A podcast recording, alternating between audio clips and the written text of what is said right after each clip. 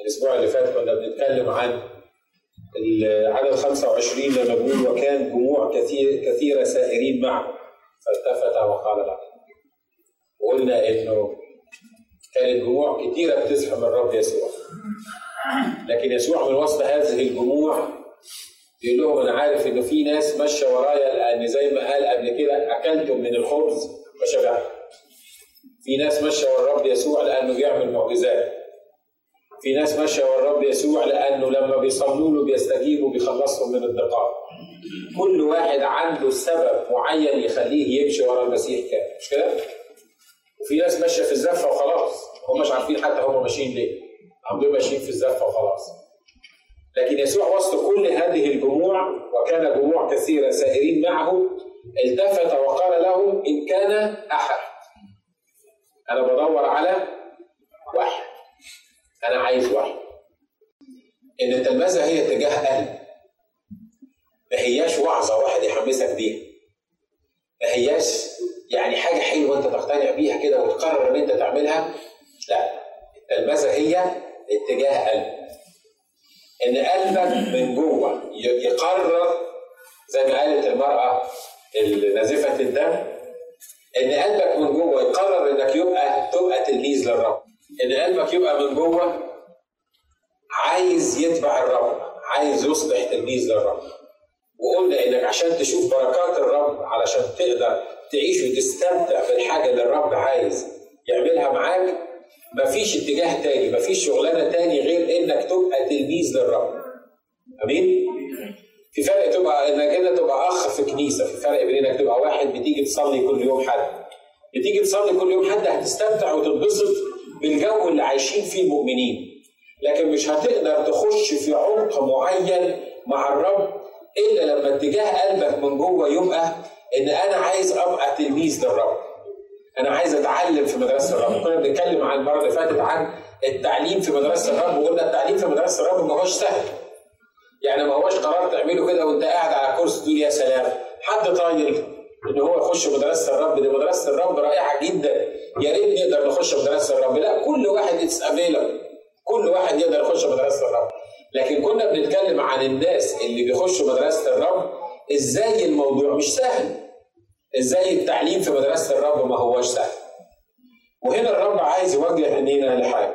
يقول يا جماعة اللي عايزين تبقوا تلاميذي لازم تتوفر فيكم بعض الشروط عشان أقدر اقبلكم في المدرسة اللي إحنا بنتكلم عنها. مفيش واحد هتقدر مثلا تجيب بيبي عنده سنتين وتقرر تروح توديه لمدرسه وتقول للناظر الواد ده فيري سمارت وحلو وتمام وشربات وشكله حلو إحنا قررنا إن أنت تقبله عندك في المدرسة وتخليه طالب عندك ينفع الكلام ده؟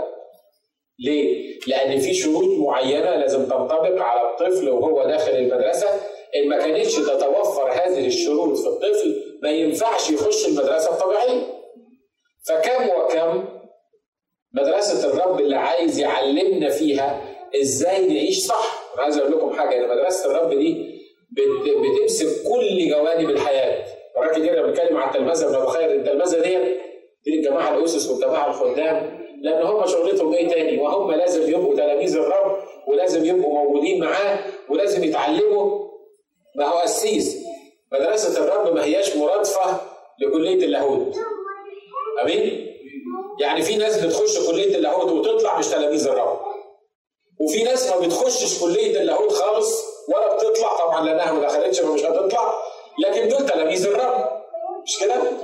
يمكن القسيس اللي معاه PhD في مش عارف ال theology وشكله إيه يمكن ما يكونش قادر يعيش التلمذه الحقيقية للرب ويمكن واحدة غلبانة كده يعني لا بتهش ولا بتنش زي ما بيقولوا وما عندهاش فكرة عن أي حاجة لكن تكون عايشة فعلا تلميذة للرب. المدرسة اللي الرب بيتكلم عنها هنا عشان تبقى تلاميذه بتشمل كل نواحي الحياة ما هياش بس theology ما هياش بس تفسير الكتاب ليه؟ لأن الكتاب ده يا جماعة لما اتحط ما اتحطش عشان إحنا نفهم نظريات روحية مش كده برضه؟ هو حلو إن إحنا نفهم النظريات الروحية اللي فيه لكن هدف الكتاب ده إيه؟ زي ما قلنا مرة قبل كده ده ال manual بتاع الحياة بتاع حياتي العادية أنا بتاع بيتي بتاع علاقتي مع مراتي وعلاقتي مع أولادي وعلاقتي مع اللي حواليا. ده الكتاب اللي من خلاله بعرف همشي إزاي بعرف أستمتع بحياتي إزاي. قلت أكتر من مرة ومصر على الموضوع ده إن الرب أصلا حطنا في الأرض مش عشان نتعذب ونتعب ونبقى مضغوطين ونبقى مكتئبين ومرة فوق و20 مرة تحت. وفي الآخر نقول لك يا سلام إمتى تخلص الأيام بقى ونخلص من الهم اللي إحنا موجودين فيه؟ ده حتى لما بنتكلم على مجيء الرب دايما تسمع العبارة يقول لك إمتى الرب يجي عشان يخلصنا مش كده؟ يعني هو كل انتظار الرب بالنسبة لنا عشان يخلصنا من القرف اللي إحنا موجودين فيه وقلت لكم قبل كده لو لو خطيبتي ولا مراتي قالت لي إمتى تتجوزني عشان تخلصنا من القرف بتاع بيت أبويا مش هاخدها. ليه؟ لأن دي مش بتحبني أنا. دي مش منتظراني أنا شخصي، دي منتظرة هي تستريح من القرف اللي هي فيه. عشان كده الكتاب لما اتكتب اتكتب عشان نعرف إزاي نستمتع بحياتنا. سؤال مش للإجابة. كم واحد فينا فعلا عايش مستمتع بحياته؟ عشان تقدر تجاوب الحكاية دي خلي بالك هقول لك مش معنى إنك تستمتع بحياتك إن ما يكونش عندك مشاكل. لا ده يمكن لما تستمتع بحياتك يكون المشاكل اللي عندك أكتر من عند أي واحد تاني مش ده اللي أنا بتكلم عليه أنا مش بسأل كم واحد فيكم ما عندوش مشاكل وهو ده يبقى مستمتع لا أنا عارف إن مفيش حد فيكم ما عندوش مشاكل مفيش حد فينا مش فيكم ما عندوش مشاكل كلنا عندنا مشاكل. لكن الفكرة كم واحد في وسط هذه المشاكل والضغوط والظروف والاحتياجات قادر يستمتع بحياته؟ لو مش قادر تستمتع بحياتك يبقى في حاجة غلط. ليه؟ لأن الرب ما خلقكش علشان تعيش مضغوط. الرب ما. و... ونقلني من الظلمة للنور عشان أعيش في اكتئاب. الرب مش قصده مش خطته إن أنا طول اليوم أعيش في مشكلة كبيرة بقالي سنة واثنين وثلاثه دي مش خطة الرب. حد يقول آمين؟ حد مقتنع باللي أنا بقوله الكلام؟ يعني الرب عايزنا نستمتع؟ يعني الرب عايز في وسط الضغوط اللي إحنا ممكن نكون موجودين فيها نعيش مستمتعين بالرب صدقني عايز أقول لك حاجة لما تخش مدرسة الرب لما تبقى تلميذ عند الرب تلاقي صحيح حواليك ضغوط وأمور صعبة ومشاكل واحتياجات وانتظارات وتوقعات. لكن وأنت في وسط هذه الأمور تحس بلذة الحياة مع الرب. وتحس إنك أنت مش عايز حاجة تانية. الأخ بطرس لما كان بيكلمهم عن التلمذة قال له إيه؟ ها نحن قد تركنا كل شيء وتبعناك؟ أنا مش عارف إزاي تركوا ستاتهم. يظهر الستات من 2000 سنة كانوا ارحم شوية من الستات الأيام دي. مش عارف يعني. مش عارف الأمور تمشي إزاي يعني. الستات الأيام دي لو سافرت مرتين ثلاثة يقول لك أنت مش واخد بالك من بيتك ولا إيه؟ انت أنت لازم أنت بيتك اولا. تطلع نظريات طبعا بيتك اولا لكن مش بقول إنه ده مش صح بس تحس انه إن أنت بتعمل إيه؟ ورايح فين؟ وجاي منين؟ ده أنا مراتك أنا الأول. بس الكتاب ما قالش كده. مش كده؟ نيو الشريط ده تسمعه اماني حتى مش موجود النهارده؟ لعذر قهر يعني شيء تسمعه اماني الكتاب ما قالش كده يا جماعة.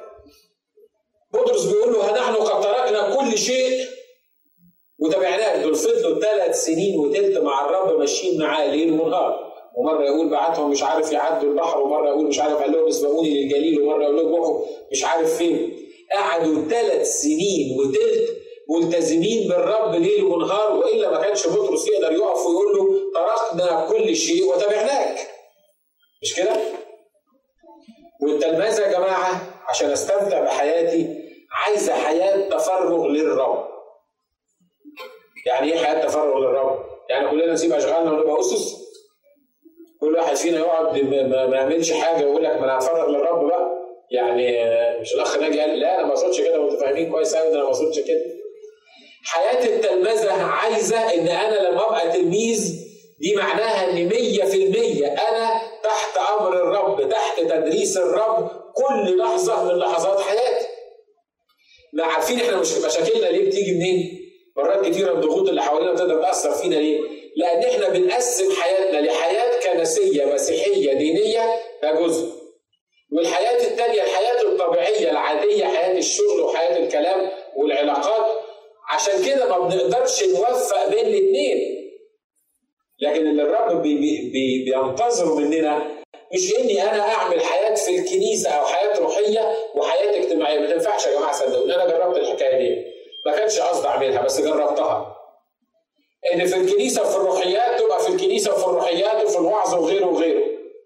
بعدين لما تنزل الشغل أنت بتنزل الشغل مرات خصوصا الناس اللي بيتعاملوا مع الناس يعني تحس إن عندك ناس مش قادر تستحملها لا عارف ترضيها ولا عارف تتكلم معاها ولو اتكلمت يهبوا فيك. وتحس إن أنت يعني في دوامة تاني تبقى محتاج كده إنك أنت تروح تقعد مع الرب شوية علشان كل شوية عمال تروح هنا شوية وهنا شوية هنا شوية وهنا شوية. عشان كده ما بتستمتعش بحياتك. لكن حتى وأنت بتتعامل مع الناس على فكرة شغلانة الدكتور الأسنان شغلانة مش سهلة. والتعامل مع العيانين بالذات بتوع الأسنان مش مش سهلين. عارفين ليه؟ لأن العيانين التانيين أي عيان تاني بيجي لك غالبا محدود وتعبان وغفران وحالته بلا ويروح مرمي قدامك على السرير أو يعني قاعد بتعمل له كونسلنج في حاجة معينة يعني خلصان محتاجة تتكلم معاه. لكن نص عيانين الاسنان بيجوا فايقين.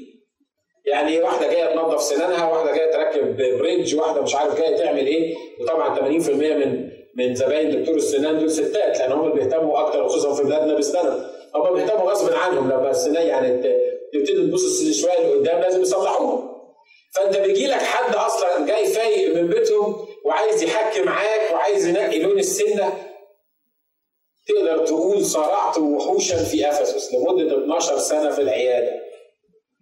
عالم فايقة جايين بس عشان إيه؟ يتعبوك صدقوني في كل مرة اشتغلت فيها لزبون أو لزبونة وهو قاعد تحت تحت الكرسي. لما كنت بفكر في الرب وبحكي في الرب وبكلم معاها أو بتكلم معاه. وإحنا بنتكلم وإحنا بنشتغل بس في موضوع مشترك إحنا بنتكلم. اللي شاغلني أنا ان وهي هتبتدي تتكلم في أي موضوع. كل حاجة لما تقول لها وربنا فين في الموضوع ده وربنا هيعمل إيه في الموضوع ده سواء كانت مسيحية أو مسلمة تحس إن الجو اتشحن حواليك بحاجة روحية تحس إنك قادر تستمتع وأنت بتشتغل للناس المتعبين.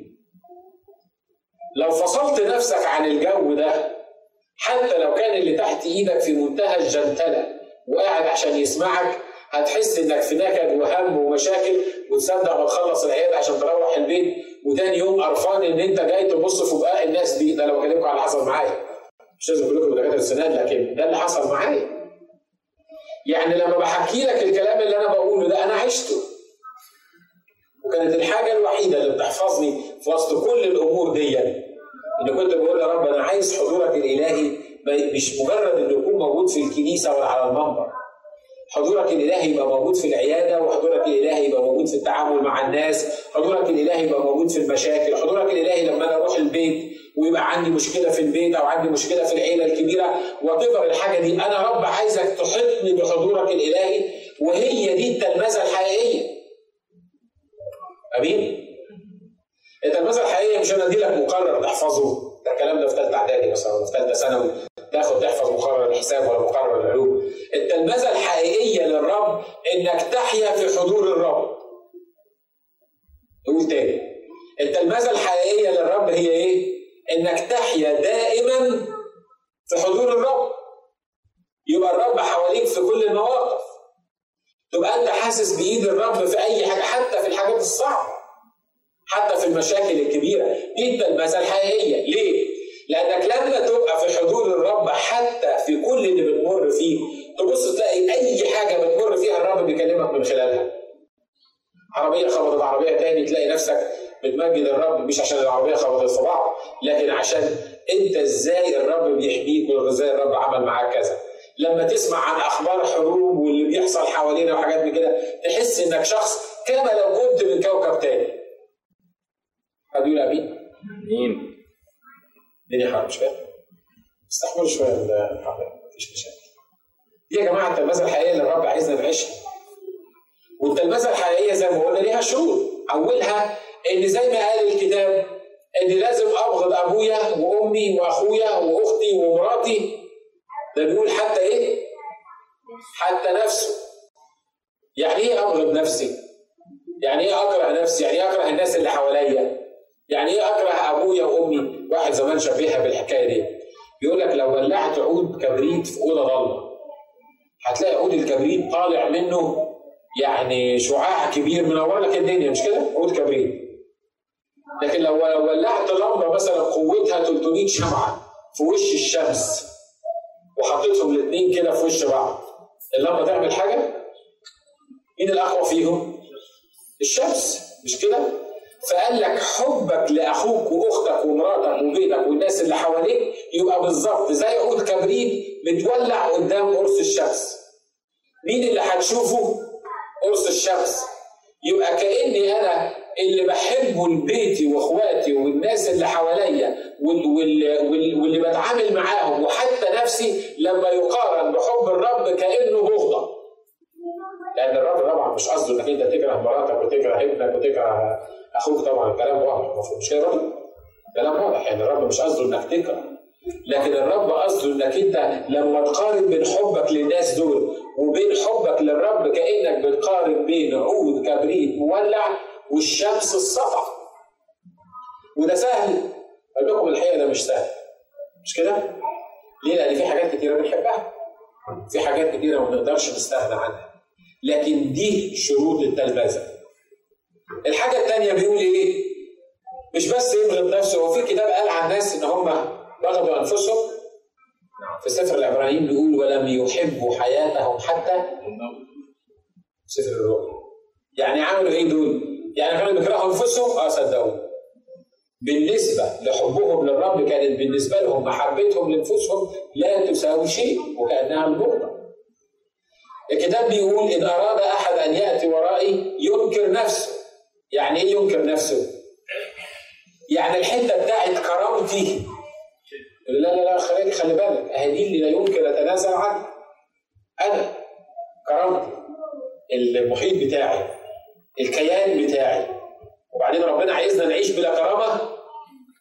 ربنا عايزنا نعيش بلا كرامة ولا لا؟ لا أنا عايز إجابة. ها؟ اهي الأخت مريم حلت الموضوع. نعيش بكرامته هو. لأن كرامتنا إحنا أصلها بتوجع بسرعة. أي حد يعدي جنب كرامتك تحس إنها إيه؟ يعني وجعتك زي ما بيقولوا. لكن بولس قال إن كنا بلا كرامة إحنا بنخدمكم وكما لو كنا بلا كرامة. مش كده؟ ليه؟ لأن إحنا عايشين بكرامة الرب، إحنا عايشين باللي الرب أعطاه، لكن أنا لأن مرادف الكرامة اللي مرات بنستخدمه إحنا بيبقى مرادف للكبرياء. معنى الكرامة بإني أكون في الرب بستخدم كرامة الرب هي اللي بنطبق عليها الآية إن إنسان في كرامة ولا يفهم يشبه البهائم التي تبان ده أنا عارف إن ده لما لما بشار بيقول لا عايز نعيش بكرامة فالكرامة هي إن أنا أختفي في الرب وتبقى كرامتي هي كرامة الرب. يعني إيه الكلام ده ببساطة؟ يعني ينكر نفسه. يعني إيه ينكر نفسه؟ يعني مش موجود. يعني إيه مش موجود؟ يعني العالم اللي حواليه ما بيأثرش عليه. يعني إيه الكلام ده؟ يعني زي ما قال بولس إن إحنا لينا حكم الموت في أنفسنا.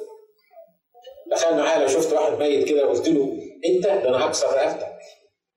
أقول لك إيه؟ مش كده؟ وخسر مش هيعمل حاجة يا جماعة لما بولس بيتكلم عن انه ان الانسان يكون ليه حكم الموت وفعلا يكون ميت الكلام ده يا جماعة إحنا اتعودنا نوعظ بيه لكن عشان تستمتع في حياتك العاديه في بيتك مع كل علاقاتك عشان تبقى تلميذ للرب لازم يتم فيا الموضوع ده يحمل صليبه كل يوم يعني إيه يحمل صليبه كل يوم يعني يحمل يحمل حكم الموت في نفسه. يعني إيه يحمل حكم الموت في نفسه؟ يعني يموت. حلوة الوعظه دي مش كده بس تنفيذها. صعب. لك يعني إيه أموت طب واحتياجاتي. طب والناس اللي حواليا. طب وظروفي. عايز أقول لكم حاجة يا جماعة. النهارده إحنا عايزين نقرر. كل واحد بينه وبين نفسه. أنت ناوي تمشي مع الرب؟ وتعيش مع الرب كتلميذ ولا ناوي تعيش بمزاجك وبطريقتك الخاصة. عايز أقول لك حاجة الكتاب قال من يهلك نفسه لاجلي يعني إيه؟ يعني لما يبقى ليك حكم الموت في نفسك وتقرر إن ما عندكش حاجة تاني تعملها غير شغل الرب علاقتك بالرب محضر الرب يكون حواليك في كل وقت تلاقي نفسك زي ما تكون بتهلك نفسك. مش بس على فكرة في الخدمة يا جماعة. ليه؟ يعني في حاجات حلوة ومش حرام.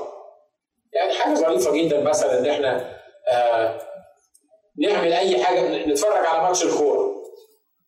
لا مش قصدي بالوعظه دي أحسن.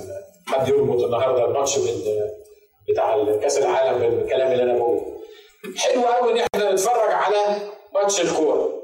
لكن لو الكتاب قال يا ناجي أنا عايزك النهارده تروح تفك عقدة حد تعمل حاجة مع حد. وبعدين أنا قلت إيه؟ ده ماتش الكوره ده بيجي مرة كل أربع سنين. يعني يا رب حبكت معاك. يعني هي مرة واحدة يعني بلاش دلوقتي يعني من الساعة 12 للساعة 1 ده ده ما ينفعش يا رب الكلام ده. إحنا بص إحنا نتفرج على ماتش الكورة وبعدين نعمل اللي أنت عايزه. حرام الكلام ده؟ مش حرام. حرام نتفرج على الكورة؟ مش حرام. أنا على فكرة صدقوني ما أتكلم على الموضوع ده مش عارف ليه اتذكر يعني. لكن الفكرة هي إن أنا بالمنظر ده ما ببقاش تلميذ للرب ليه؟ لأن أنا اولا اللي الرب عايزه في حياتي حضور الرب في حياتي. لأن الرب ما عملنيش عشان أبقى لاعب كورة ولا عشان أبقى دكتور سنان ولا عشان أبقى وات لكن الرب أصلا حطني وعملني عشان أبقى متحد معاه في حضوره الالهي الدائم. بشار فكرني بالكلمة دي. يقول لي مرة لما أنت قلت إن خمس دقائق في محضر الرب تساوي الدنيا كلها. يقول لي أنا قلت يعني إيه خمس دقائق في محضر الرب يساوي الدنيا كلها؟ أنا متأكد إن كل واحد فيكم جرب محضر الرب لمدة دقيقتين مش خمس دقائق حتى دقيقة صدقوني لو بعد كده قالوا لك خد العالم كله هتحس إن محضر الرب بالنسبة لك أروع وأعظم من كل العالم مش كده برضه؟ مش ده اختبارنا اللي إحنا اللي إحنا عايشين فيه؟ وده اللي الرب عايز يعمله معانا يا جماعة ده اللي الرب عايز يحصرنا فيه عشان نبقى تلاميذ الرب عشان نقدر نعيش في حضور الرب عشان نقدر نتعلم من الرب عشان حياتنا الخاصة يا جماعة. أنا مش بتكلم على مستوى الخدام مش بتكلم على مستوى المتفرغين إن دول اللي الرب عايز حضور بالنسبة لهم يبقى بالمنظر ده. أنا بتكلم عليكي أنت وأنت بتغسلي المواعين في البيت. جربي كده وأنت بتغسلي المواعين وتبقي متعزية ومبسوطة وحاسة بحضور الرب. صدقوني حتى المواعين بتنغسل بسرعة مش كده؟ تحس مش مش هتتكروت بس هتطلع يعني تحس إنك أنت جرب كده مثلا إنك تعمل شغلانة مقرفة تكون صعبة عليك وتكون أنت ما بتحبهاش. لكن وأنت بتعملها كده تحس بحضور الرب ورافع قلبك للرب وبتتكلم معاه مش هتبقى في شغلانة مقرفة. ليه؟ أصل أنا اللي بيهمني في الموضوع حضور الرب. إن أراد أحد أن يأتي ورائي يعمل إيه؟ ينكر نفسه ينسى نفسه. مصيبتنا يا جماعة اللي بتجيب لنا التعب كله إن مش قادرين ننسى أنفسنا. إحنا بنفكر في الشغل لأن أنا self centered بنفكر في علاقاتي أنا. بفكر في, في اللي محتاجه أنا. بفكر في اللي هديه أنا. بفكر في اللي هاخده أنا. كل الكون اللي بيحيط بيا بيحيط حوالين مين؟ أنا. عشان كده الرب ما بيقدرش يظهر حضوره ما بنقدرش نستمتع بحضور الرب لأن هو حاجة من الاثنين يا أنا يا أنت. صح الكلام؟ لما تكون بتشتغل أو قاعد مع عند عند المدرس بتاعك بيدي لك درس بيعلمك حاجة. المفروض إن كل قواك بتبقى مركزة في اللي بتسمعه واللي بتشوفه واللي بتتعلمه واللي بتتحركه. ما ينفعش الطالب يختار بمزاجه اللي يتعلمه واللي ما يتعلموش واللي عايز يسمعه واللي مش عايز يسمعه. النظرية دي كويسة نطبقها والنظرية الثانية دي مش عجبانا مش قادرين نقتنع بيها. الموضوع ده حلو ونقدر نعمله لكن الموضوع الثاني ما نقدرش نعمله. ده ما بقاش تعليم ده يبقى إيه؟ تهريب. مش كده؟ ما حدش فينا يخش الامتحان يلاقي مثلا أربع أسئلة يقول لك الثلاثه الأولانيين دول تمام التمام إحنا هنجاوبهم والسؤال الرابع ده مفيش داعي منه. ما ينفعش تعمل كده. لكن الفكرة هي إن أنا رب تلميذك إن أنا عايز أحس بالحضور الإلهي. أنا مش عارف أوصف لك إزاي الحضور الإلهي مش عارف أعبر عنه بكلمات. لكن أنا متأكد إن كتير منكم اختبروه واللي اختبروا أنت برضه مش هتعرف تعبر عنه بكلمات لأنه حاجة بتفوق إدراك العقل الصغير ده إن ملك الملوك ورب الأرباب تحس بحضور وأنت موجود تحس إنك أقول لك تحس بإيه؟ مش عارف مش عارف. اللي اختبر فيكم الموضوع ده يقدر يفهم أنا بتكلم عن إيه. وتقدر تحس إن فكرة التلمذة الحقيقية ما هياش فكرة بايخة لأن العملية تعليم لا مرات بنحط يا جماعة الخدمات أو الحياة الروحية في قالب نحس إن هو يعني متعب شوية. يعني يقول لك مثلا إيه إحنا عايزين نعمل فصول تلمذة. يعني إيه فصول تلمذة؟ هنتعلم في ست كتب عن التلمذة هنجيب ست كتب عن التلمذة نتعلمها. والتلميذ لازم يبقى كذا والتلميذ لازم يبقى كذا. واللي اتخرج من الكورس ده أنا أعرف كورسات بالمنظر ده. واللي اتخرج من الكورس ده يبقى هو اللي يقدر يعمل مجموعة من سبعة علشان يتلمذهم. كما لو كانت التلمذة إنك تذاكر مقرر. مش ده اللي أنا بتكلم عليه النهارده. لأن المقررات سهلة قوي وذاكر الكتاب هتعرف اللي أنا بتكلم عليه. اللي أنا بتكلم عليه النهارده إن التلمذة هي أنا بتاعك وأنت بتاعي. أنا ملكك وأنت ملكي. التلمذة هي إن أنا عايش في حضورك. التلمذة ان ما أقدرش أبعد عنك. التلمذة إن حياتي لازم أستمتع بيها في وسط كل اللي أنا بعيش فيه لازم أبقى مستمتع بيك وأبقى طاير في الهواء إيه طاير في الهواء إيه طاير في الهواء ما أعرفش انت تعرف أنا ببقى معاه. ناسي نفسي. مش كده؟ تلاقي نفسك وأنت قاعد مرات زمان لما كنت قاعد مثلا اصلي اصلي الصلاة المعروفة المحفوظة. أنا أخش أصلي دلوقتي. بعد 15 دقيقة أحس إن أنا قلت كل الكلام. خلصتهم. كل اللي عندي. وقلت له نشكرك لأنك فديتنا وصلت عشاننا وعملت ورحت وجيت وسويت. بعد 15 دقيقة تحس إنك أنت إيه فضيت الكلمتين اللي عندك وخلصت لكن خلي الرب يحسسك بحضور وانت في حضور الرب. تلاقي نفسك مش عارف تخلص. ليه؟ أصل الفكرة مش يعني مش مش عريضة أنا مقدمها. تخيل معايا لو أنا قعدت مع خطيبتي وقلت لها أنا متشكر قوي لأنك أنت قبلتي تتجوزيني وأنت كويسة ومن بيت كويس ومش عارف إيه بتاع وخلصت الكلمتين دول. وبعد كده هنقول لها إيه؟ ما فيش. لكن لو كانت في علاقة محبة بيننا وبين بعض وقاعدين مع بعض تبص تلاقي الموضوع ده ما خلصش والموضوع الثاني مش أنا كنت مرات أرجع من العيادة بدري الساعة 10 أقعد مثلا أحكي أنا والأخت أماني والعيلة وبتاع حاجات كده للساعة واحدة وإحنا ماشيين ياه!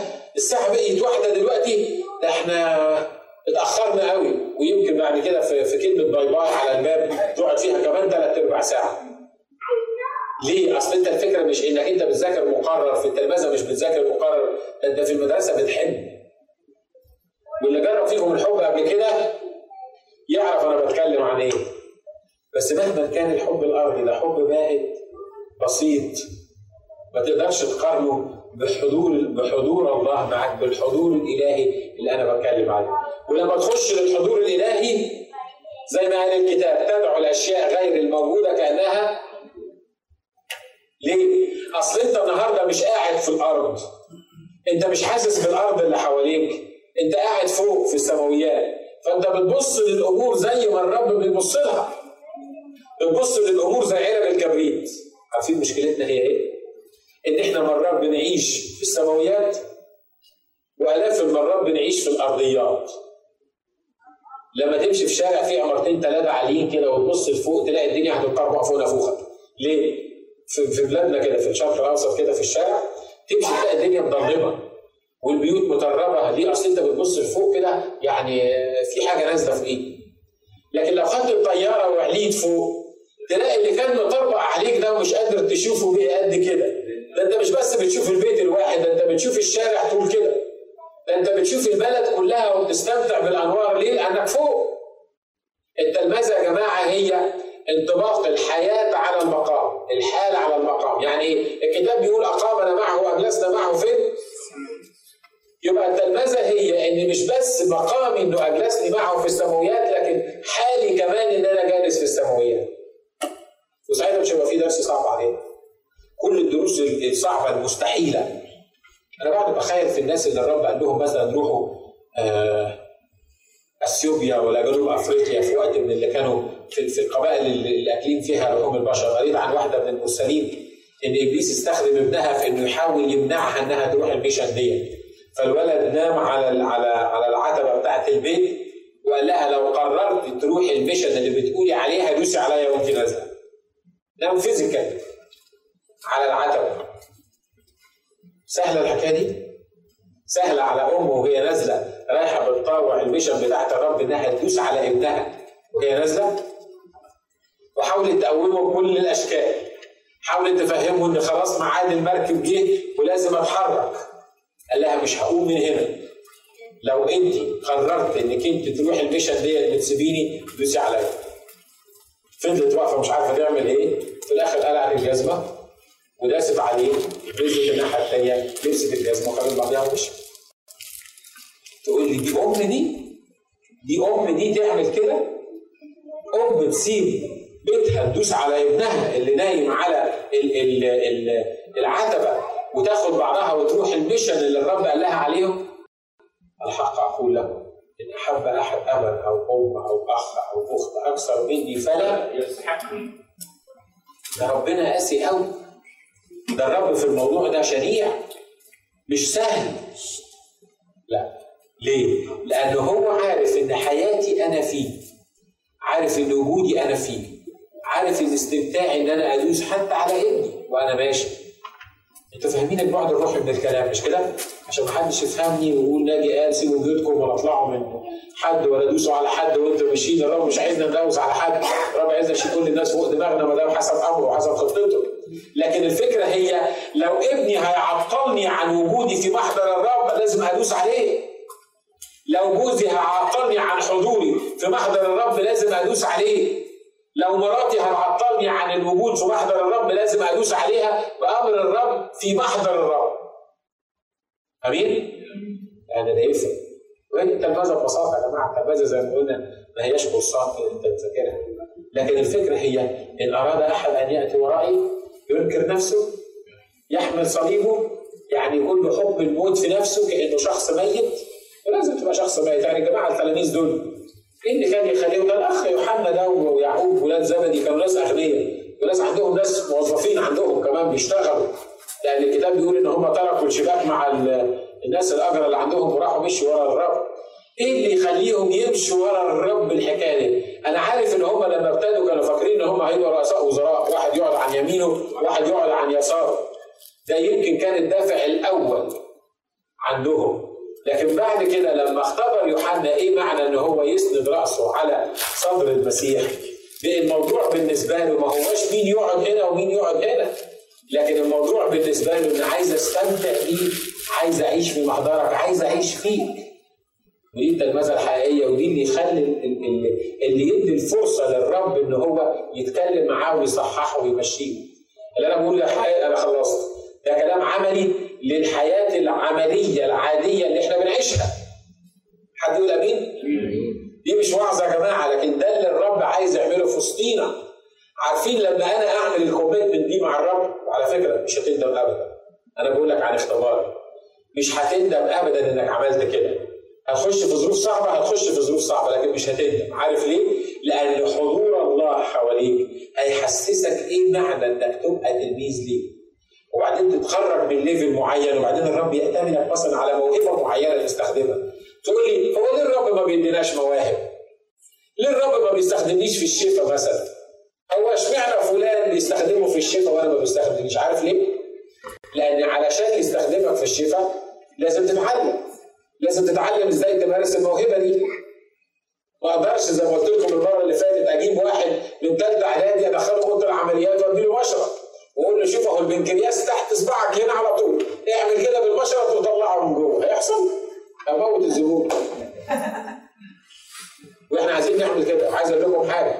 على قد المواهب ما هي مواهب مش متوقفة على يعني على حاجة إحنا دفعناها فيها. لكن المواهب اللي بيديها الرب وما تعرفش تستخدمها بتضر وبتدمر أكتر من الفايدة بتاعتها. مش كده برضه؟ مرات كتير اختبرنا الحكاية دي. عشان كده الرب مرات ما بيديش الموهبة. ليه؟ لأنه عارف إنك مش هتعرف تستخدمها. وعشان تعرف تستخدمها لازم تبقى تلميذ. لازم يعلمك إزاي تستخدمها. لما يعلمك إنه إزاي يديلك كلمة علم مثلا أو كلمة حكمة لحد يفهمك إزاي تقولها إمتى تقولها بأي روح تقولها علشان تطلع من الكيان بتاعك تعمل شغلها في اللي قدامك. لكن مش ممكن الرب هيوزع مثلا بولس بيقول أنا عايزكم كلكم تتنبأوا مش كده؟ لكن الرب مش هيوزع الموهبة دي على كل الناس ليه؟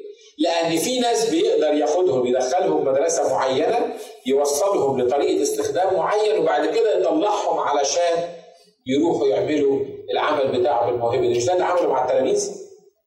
أرسلهم إمتى؟ أرسلهم تقريبا بعد نص الخدمة اللي نص الثلاث سنين وثلث اللي قعد معاهم وبعد كده بعد ما قعد يدربهم ويكلمهم ويعمل قدامهم معجزات معجزات بعدين راح ارسلهم وقال لهم إيه؟ اشفوا مرضى اخرجوا شياطين لما رجعوا التلاميذ دول كانوا التلاميذ يعني هو المعلم بتاعهم رجعوا مبسوطين قالوا له إيه؟ حتى الشياطين تخضع لنا كانوا فرحانين بإيه؟ بالموهبة مش كده؟ كانوا فرحانين بالعمل بقى هم بيروحوا ده بيصلي للشيطان ده يطلع بيصلي لل ده مش عارف يشفى. قالوا ده حتى الشياطين تخضع لنا باسمك قال طب تعالى نعلمكم بقى مرة تاني ونديكم حتة تاني. ما تفرحوش عشان الشياطين بتطلع وتخضع لكم باسم لكن بالحال افرحوا لأن اسماءكم مكتوبة. سفر الحياة أنتوا واخدين بالكم إزاي الرب بيعلم الناس؟ حتى لما بيديها الموهبة عشان تروح تستخدمها صدقوني الرب عطى مواهب بيدي مواهب كتير. والرب عنده استعداد والرب عايز يدي مواهب كتير. بس الشرط إنه ما بيديش المواهب إلا للتلاميذ. ما يقدرش ما يقدرش يخلي حد يبقى في الانترنشيب زي ما بيقولوا. ما يقدرش يدرب حد في الموضوع ده إلا التلاميذ. مش كده؟ لكن إحنا مش عايزين حكاية التلمذة دي وعايزين المواهب. يقول لك يا سلام لو أحط إيدي على حد يشفى. صدقني لو الرب أعطاك إنك تحط إيدك على حد يشفى ثلاثة أربعة خمسة من غير ما تتعلم إزاي تستخدم الموهبة ومن غير ما تبقى فعلا تلميذ حقيقي لا هتدمر نفسك واللي حواليك. صح الكلام؟ وبنشوف ناس الرب دربهم وأعطاهم الموهبة وفي وقت من الأوقات قرروا إن هم ينهوا التعليم. ليه؟ ما هم وصلوا بقى. هو في سنة أولى إحنا مرات يعني بعد ما بتقرأ كلمتين ثلاثة في أولى ولا في ثانية ولا في ثالثه تحس إنك وصلت. ولازم تتخرج بقى ما انت بقالك ثلاث سنين بتذاكر. عشان كده مرات بنلاقي ناس عندها فعلا الموهبة. لما بتستخدم الموهبة ممكن يقول لك مثلا كلمة علم أو يقول لك حاجة اللي المفروض الرب عايز يوصلها لك يقولها لك بطريقة عقدك من عيشتك ويعمل لك اكتئاب نفسي. ويمكن بعد ما كان فعلا مستخدم بيه بيفتي. إيه اللي دخلنا في الموضوع دي؟ لا إحنا بنتكلم عن الحياة الطبيعية العملية العادية. كم واحد فيكم بأمانة عايز موهبة معينة من الرب زي ما قال الكتاب يخدم بيها الجسد منها شفاء و وعمل قوات وإقامة موتى انت انت أنت حصل لك إيه؟ إقامة موتى إيه؟ هو الرب ممكن يدي إقامة موتى لغاية دلوقتي يروح مثلا يمشي في أي جنازة أو واحد عارفين طبعا بتكلم صدقني لو الرب عايزك تعمل كده تعمل كده مفيش مشكلة عشان عشان حد فيكم مش عايز؟ عايز؟ مش كده برضه؟ كلنا عايزين. عايز تاخد موهبة من الرب؟ اتعلم إزاي تبقى تلميذ للرب ده مش تمن. انت مش هتدفع ثمن الموهبة. الموهبة دي هبة. اعطاها لك من غير ثمن بس مش هيقدر يديها لك إلا لما تقول له النهارده رب أنا عايز أبقى تلميذك أنا عايز أبقى بتاعك. أنا عايز أبقى ملكك. أنا عايز أبقى حاسس بحضورك الإلهي. هتبص تلاقيه اعطاك الموهبة وتقول أنا اللي ممكن يعمل معايا كده؟ طب وما كانش بيعمل معايا كده من زمان ليه؟ ما كانش بيعمل معايا كده من زمان لأنك ما كنتش قادر تسمع وتتعلم إنك أنت تكون تلميذ. عشان كده حياة التلمذه يا جماعة ما هياش كماليات. ما هياش كماليات دي حاجة أساسية ضرورية مهمة بالنسبة لكل واحد ليا أنا بالنسبة لكل واحد من الموجودين قدامي. يقول لي أخ ناجي بعد ما كملنا 60 سنة هيدخلونا المدرسة تاني ويعلمونا تاني صدقني لو فاضل في حياتك خمس أيام الرب عايزك تستمتع بيهم مش كده؟ لو فاضل في حياتك ثلاث سنين الرب عايزك تستمتع بيهم. الرب عايزك تبقى تلميذه وده شرف إنك أنت تبقى تلميذ. آخر حاجة أقولها لكم عارفين أهم حاجة أو أحلى حاجة في التلمذة من بركات التلمذة هي إيه؟ إن حيث أكون أنا يكون خادمي أيضا. يعني إيه؟ مكان ما يكون المسيح تكون انت. مكان ما تكون انت يكون المسيح. ليه؟ لأن إحنا واحد. لأن أنا حاسس بحضور الالهي. حد قادر يتخيل إيه معنى إن المسيح يقول بص أنا هاخد راجي ده مكان ما أكون أنا راجي هيكون. باهر في أي حتة أنا هروح فيها مكان ما أكون أنا هيكون تلميذي أيضا. مريد هتمشي معايا على طول في أي حتة هروحها. شرف إيه ده؟ إيه إيه إيه اللي إحنا بنتكلم عنه ده؟ انك تكون هناك، حكيت لكم مرة قبل كده لما دخلت معسكر من معسكرات الجيش وكنت ماشي مع واحد لواء وأول ما العساكر اعطوا له التحيه أنا حسيت نفسي عملت كده. مع إن أنا مش لواء ولا يعني ولا ولا ولا حاجة نحاس على كتافي، لكن لاني ماشي مع الراجل ده وأول ما اعطوا له التحيه بصيت لقيت نفسي أنا كمان ماشي عامل كده، لواء بقى كل الناس عمالة تعظم، أول الحقيقة أول الحقيقة عارف لما تمشي مع الرب تلاقي نفسك عامل كده. ليه؟ أصل أنت ماشي مع أصل أنت مش ماشي وبس. أنت مش ماشي منفوخ لكن أنت ماشي مبسوط. أنت ماشي رافع راسك. ليه؟ أنا ماشي مع الرب. أنا ماشي مع الرب. أنا في محيط الرب. أنا في محضر الرب. هي دي التلمذة. هو ده اللي الرب عايز يعمله في حياتنا. خلينا إحنا نبصنا مع بعض. وقول يا رب النهارده إحنا بنتكلم أو أنت اتكلمت يا رب لينا كلام عملي. وده اللي أنت عايز يا رب تعمله في وسطنا وعايز تعمله فيا. والرب عايزك تستمتع بكده. إنك فعلا يا رب تخليني أعيش في محضرك الإلهي. قول يا رب أنا بشكرك لأجل الإمكانية دي. ده سيمون يا رب لما شاف إنه بوضع أيدي الرسل تعطى المواهب. كان عنده استعداد يقدم فلوس. أنا يعني هقدر أكمل فيها ولا ما أكملش؟ أنا عارف إن أنا رب مش ببص لنفسي. أنا النهارده مش عايز أشوف تفاصيل الموضوع لكن أنا عايزك النهارده تضمني لمدرستك دي ويتم فيها المكتوب يا رب إن أنا أبغض حتى نفسي عشان خاطرك. يا رب أنا مش قادر أستمتع بحياتي العادية اللي أنا عايش فيها. والضغوط يا رب أكبر من تحملي. لكن النهارده أنا بحط نفسي بين ايديك وبقول لك يا رب إن كانت التلمذة هي اللي هتخليني أبقى في حضورك الدائم يا رب. أنا النهارده محتاج لهذا الموضوع. وأنا النهارده بطلب منك يا رب لأنك أنت اللي قلت وعندك استعداد تديني كده. أنا عايزك يا رب تعطيني تكريس خاص النهارده الصبح يا رب لشخصك. إني أتغير تغيير حقيقي من جوايا. قول أنا بشكرك يا رب. أنا بشكرك. أنا النهارده بسلمك جسدي ونفسي. لك روحي جسدي طول الزمان يا رب أنا بحط نفسي بين ايديك مش مجرد وعظة يا رب أنا سمعتها لكن أنا ما عنديش تاني يا رب حاجة أقولها لك إلا إني بحط نفسي بين ايديك وأنت يا رب تقدر تعمل فيا تقدر تغيرني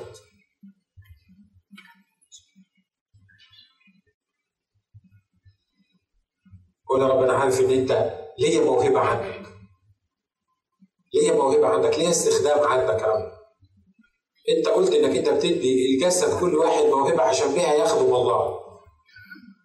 وأنا يا رب عايز الموهبة دي. وإن كان يا رب إن أنا لازم أخش المدرسة دي والتلمذه دي يا رب أنا النهارده بحط نفسي بين إيديك. وبقول لك من فضلك يا رب من فضلك تلمذني. من فضلك يا رب خليني أعيش في حضورك الإلهي. من فضلك يا رب اخضعني لي